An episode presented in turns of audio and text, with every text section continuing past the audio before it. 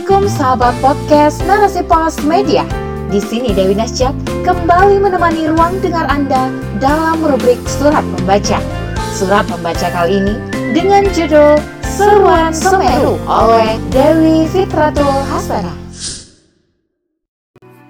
Inna lillahi wa inna ilaihi roji'un. Gunung Semeru meletus pada Sabtu 4 Desember 2021.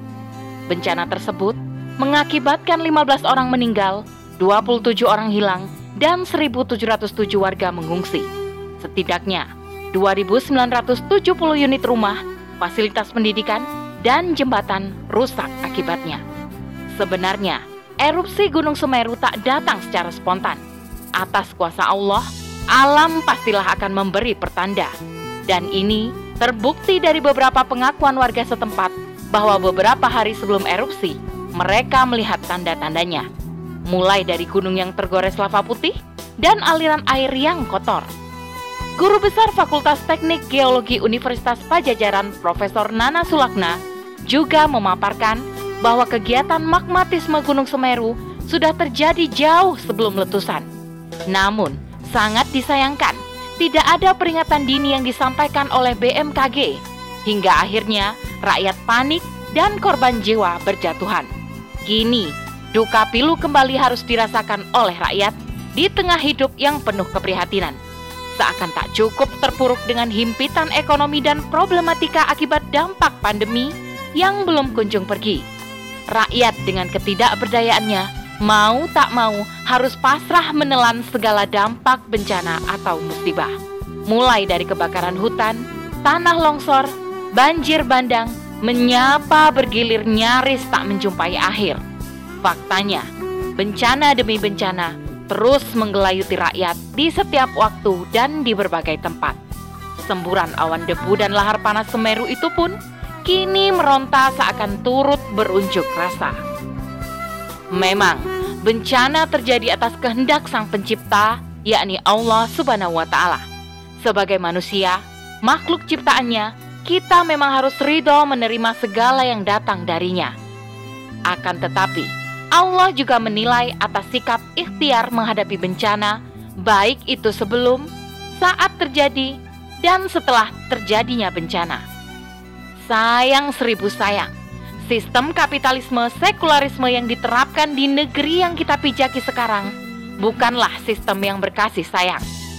Sistem kapitalisme sekularisme hanya berisikan dominasi kesombongan manusia dengan penguasaannya pada dunia nan fana, mengabaikan, memicingkan mata, bahkan membangkang pada petunjuk kalam ilahi. Hal ini terbukti dengan mewujudnya perilaku kebijakan-kebijakan zalim oleh penguasa pada rakyatnya. Sistem ini pun selalu mengusik alam demi materi semata.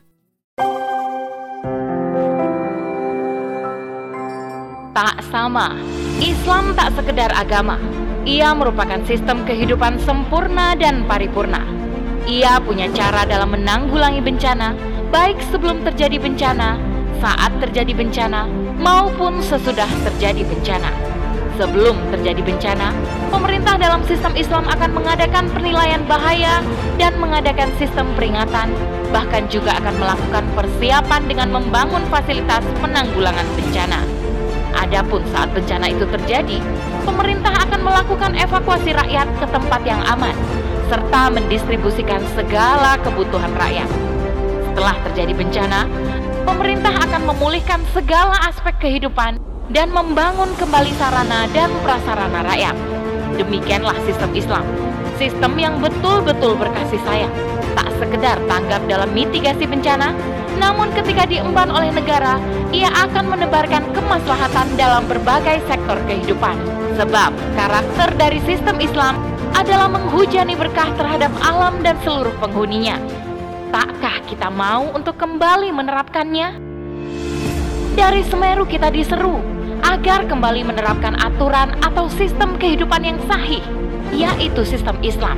Sebab selama kemungkaran, kezaliman masih merajalela dan keadilan terus dipermainkan, selama itu pula derita pahit terus mengintai. Betapa bodohnya kita sebagai makhluk ciptaannya yang lemah jika masih kekeh menggenggam kesombongan akan perintahnya. Sungguh, dari segala bencana termasuk Semeru, manusia layak untuk menangkap isyarat-isyaratnya. Semeru pada hakikatnya hanyalah sebagian kecil dari kekuasaan Allah.